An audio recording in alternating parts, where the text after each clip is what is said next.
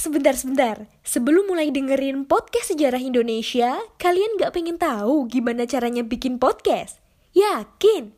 Gak susah kok. Coba deh download Anchor Podcast. 100% mudah, 100% gratis.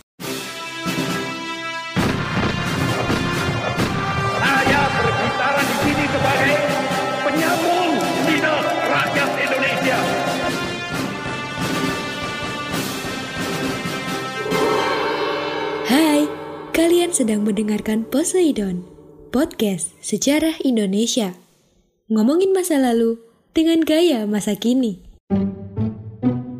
Hey, salam jumpa, salam sejarah.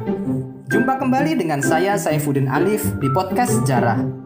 Di podcast kali ini, saya akan membahas tentang Indonesia di masa kepemimpinan Presiden Abdurrahman Wahid atau Gus Dur. Periode ini sangat menarik dan menjadi salah satu yang paling dikenang oleh rakyat Indonesia. Hal itu tidak lain karena sikap Gus Dur yang sangat humanis, demokratis, sekaligus kontroversial. Bagaimana itu bisa terjadi? Yuk kita bahas. Abdurrahman Wahid naik menjadi Presiden Republik Indonesia setelah terjadi pertarungan politik yang panas. khususnya ketika pemilihan presiden di MPR tahun 1999. Pertarungan ini terjadi antara tiga kubu, yaitu Yusril Iza Mahendra dari Partai Bulan Bintang, Abdurrahman Wahid dari Partai Kebangkitan Bangsa atau PKB, dan Megawati Soekarno Putri dari Partai Demokrasi Indonesia Perjuangan atau PDIP. Di antara ketiga calon presiden ini sebetulnya hanya Yusril Iza Mahendra yang memenuhi syarat dan mengajukan diri ke MPR untuk menjadi calon presiden. Tetapi pada kenyataannya karena kacaunya politik ketika itu, akhirnya muncul dua calon tambahan yang sebenarnya tidak pernah mengajukan diri untuk mencalonkan diri sebagai presiden. Dalam perjalanannya kemudian, Yusril mengundurkan diri dari pencalonan dan memutuskan bergabung untuk mendukung Abdurrahman Wahid.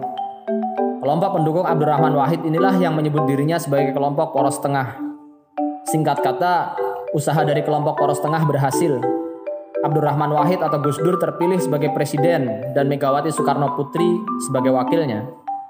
Suatu hasil yang sangat mengecewakan Bu Mega karena PDIP adalah partai pemenang pemilu 1999 dengan jumlah suara 33 persen. Padahal ketika itu peserta pemilu ada 48 partai politik. Gus Dur naik sebagai Presiden Republik Indonesia di tengah ancaman disintegrasi bangsa Indonesia karena kerusuhan di berbagai macam daerah. Oleh karena itu, banyak pekerjaan yang harus dilakukan agar Indonesia tetap menjadi satu kesatuan sebagai sebuah negara. Dalam menjalankan roda pemerintahan, Gus Dur dikenal sebagai sosok yang visioner, revolusioner, sekaligus kontroversial. Dikatakan visioner karena Gus Dur ingin sekali mengubah wajah Indonesia sebagai negara demokratis, tidak otoriter seperti masa Orde Baru dan Orde Lama. Ya, meskipun banyak yang menganggap Gus Dur agak kebablasan dalam usahanya ini, misalnya pembubaran Departemen Penerangan, yang oleh banyak pihak dianggap sebagai awal dari ketidakjelasan informasi dan maraknya pornografi dan porno aksi. Kemudian dikatakan revolusioner karena sering kali Gus Dur membuat keputusan-keputusan yang mengejutkan, yang mana itu tidak lazim dilakukan oleh presiden-presiden sebelumnya.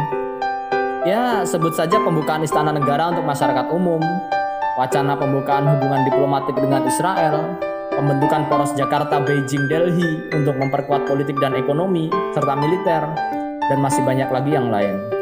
Dan dikatakan kontroversial karena kebijakan-kebijakan politiknya yang sering mengagetkan banyak pihak.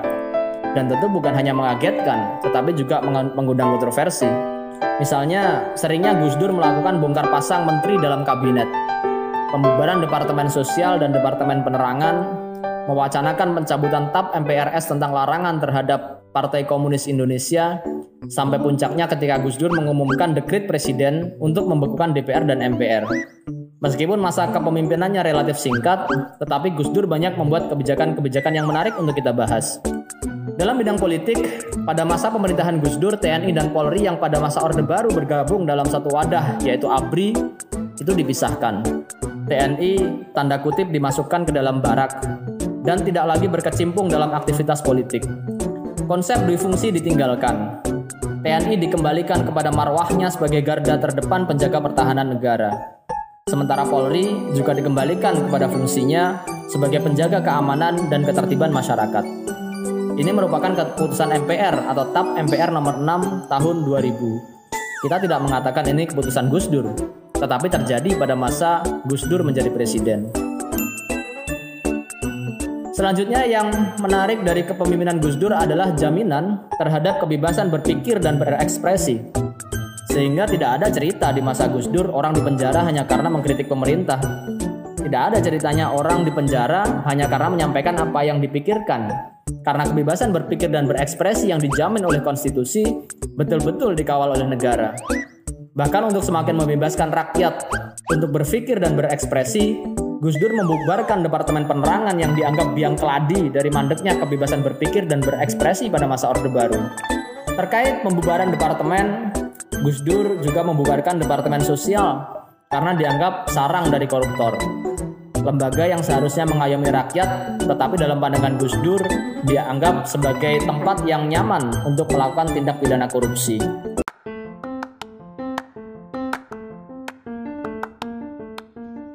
Halo Sobat Poseidon, kalian pasti sudah tidak asing lagi dengan Anchor. Yap, aplikasi penyedia jasa untuk para podcaster pemula dan juga pro. Buat kalian yang pengen mulai nge-podcast, langsung download aja Anchor di App Store ataupun di Play Store. Di sana, kalian bisa nge-podcast dengan banyak banget pilihan background musik. Setelah itu, kalian bisa mempromosikan podcast kalian ke mana pun. Secara otomatis, nanti akan di-sharekan oleh Anchor sendiri. So, tunggu apa lagi? Cus, nge-podcast bareng Anchor. Kebijakan yang lain adalah mengganti istilah Irian Jaya menjadi Papua. Irian Jaya memang nama yang diberikan di tengah euforia melawan kolonialisme Belanda pada masa Orde Baru, ikut Indonesia anti Netherlands. Konon begitulah singkatan Irian ini. Nama Irian dikembalikan ke Papua karena memang Papua adalah nama asli dari kawasan tersebut.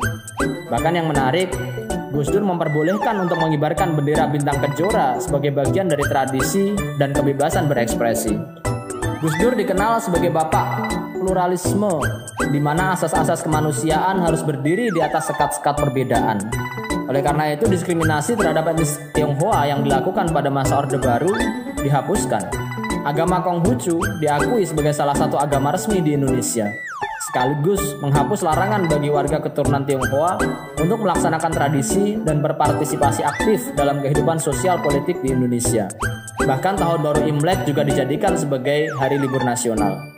Sikap demokratis dan humanis dari Gus Dur juga ditunjukkan dengan mengusulkan untuk mencabut ketetapan MPRS atau TAP MPRS nomor 25 tahun 1966 tentang larangan penyebar luasan paham komunisme banyak yang mengkritik usulan ini karena dianggap akan memberikan kesempatan untuk kebangkitan Partai Komunis Indonesia atau PKI.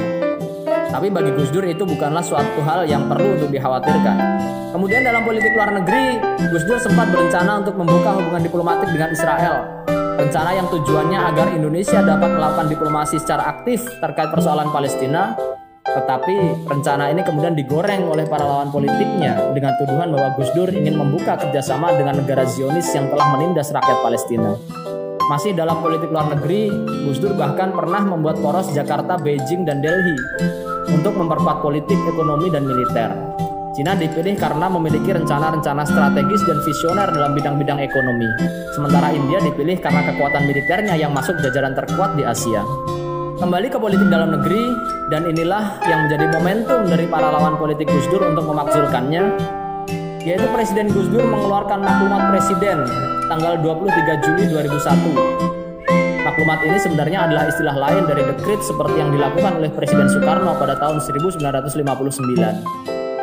Poin utama dari maklumat Presiden 23 Juli 2001 ini adalah membekukan DPR dan MPR Perbedaan dengan Dekrit 1959 adalah jika Dekrit Presiden Soekarno tahun 1959 berhasil, maka Dekrit Gus Dur ini gagal. Kenapa bisa gagal? Perlu kita ketahui bahwa Dekrit adalah produk politik, bukan produk hukum. Oleh karena itu butuh dukungan TNI dan Polri sebagai alat negara untuk mensukseskan dekrit tersebut. Tahun 1959, TNI dan Polri mendukung dekrit dari Presiden Soekarno. Dan keadaan sebaliknya terjadi ketika pemerintahan Gus Dur, di mana tidak ada dukungan dari TNI dan Polri dalam dekret tersebut. Selanjutnya dalam bidang ekonomi, pada masa pemerintahan Gus Dur, pertumbuhan ekonomi mencapai 4,9 persen. Angka ini merupakan suatu prestasi karena Gus Dur memulai kepemimpinannya dengan tingkat pertumbuhan ekonomi minus 3%. Pemerataan ekonomi menjadi satu poin yang ditekankan di masa kepemimpinan Gus Dur. Pemerataan ekonomi dilakukan dengan mendukung usaha-usaha kecil dan menengah agar mampu untuk berkembang dan ikut serta dalam usaha pemerintah mengurangi angka pengangguran. Usaha pemerataan ekonomi ini juga cukup sukses, di mana rasio Gini atau rasio kesenjangan pendapatan dan kekayaan dapat diturunkan sampai 0,31 persen atau terendah dalam 50 tahun terakhir. Gus Dur dikenal sebagai sosok yang gigih memperjuangkan rakyat kecil. Dalam bidang ekonomi, Gus Dur menghapuskan bunga hutang yang dimiliki oleh petani dan pelaku usaha mikro kecil dan menengah atau UMKM. Kebijakan ini dilakukan untuk membantu para petani dan pelaku usaha agar segera membayar hutang-hutangnya. Dengan berbagai prestasi dan kontroversinya, Presiden Gus Dur akhirnya harus turun dari kursi kepresidenan pada 23 Juli 2001 setelah sidang istimewa MPR memutuskan bahwa Gus Dur harus dimakzulkan dari kursi kepresidenan dan digantikan oleh wakilnya Megawati Soekarno Putri. Gus Dur dimakzulkan karena dianggap telah melanggar undang-undang, yaitu pengangkatan Kapolri secara sepihak tanpa persetujuan dari DPR. Kapolri yang dimaksud adalah Komisaris Jenderal Hairudin Ismail, menggantikan Jenderal Bimantoro. Mungkin itu adalah alasan yang sepele, tetapi di balik itu, DPR sudah lama mengusulkan untuk memakzulkan Gus Dur karena sering mengeluarkan keputusan-keputusan tanpa berkoordinasi dengan DPR. Keadaan inilah yang menjadikan hubungan antara Presiden dan DPR menjadi kurang harmonis. Akibat ketidakharmonisan ini, Gus Dur diserang oleh para lawan politiknya dengan berbagai macam isu. Salah satunya adalah isu korupsi. Dua kasus korupsi yang diarahkan kepada Gus Dur adalah kasus penyimpangan dana Yayasan Bina Sejahtera atau Yanatera dari Bulog dan kasus dana hibah dari Sultan Brunei yang dianggap tidak transparan.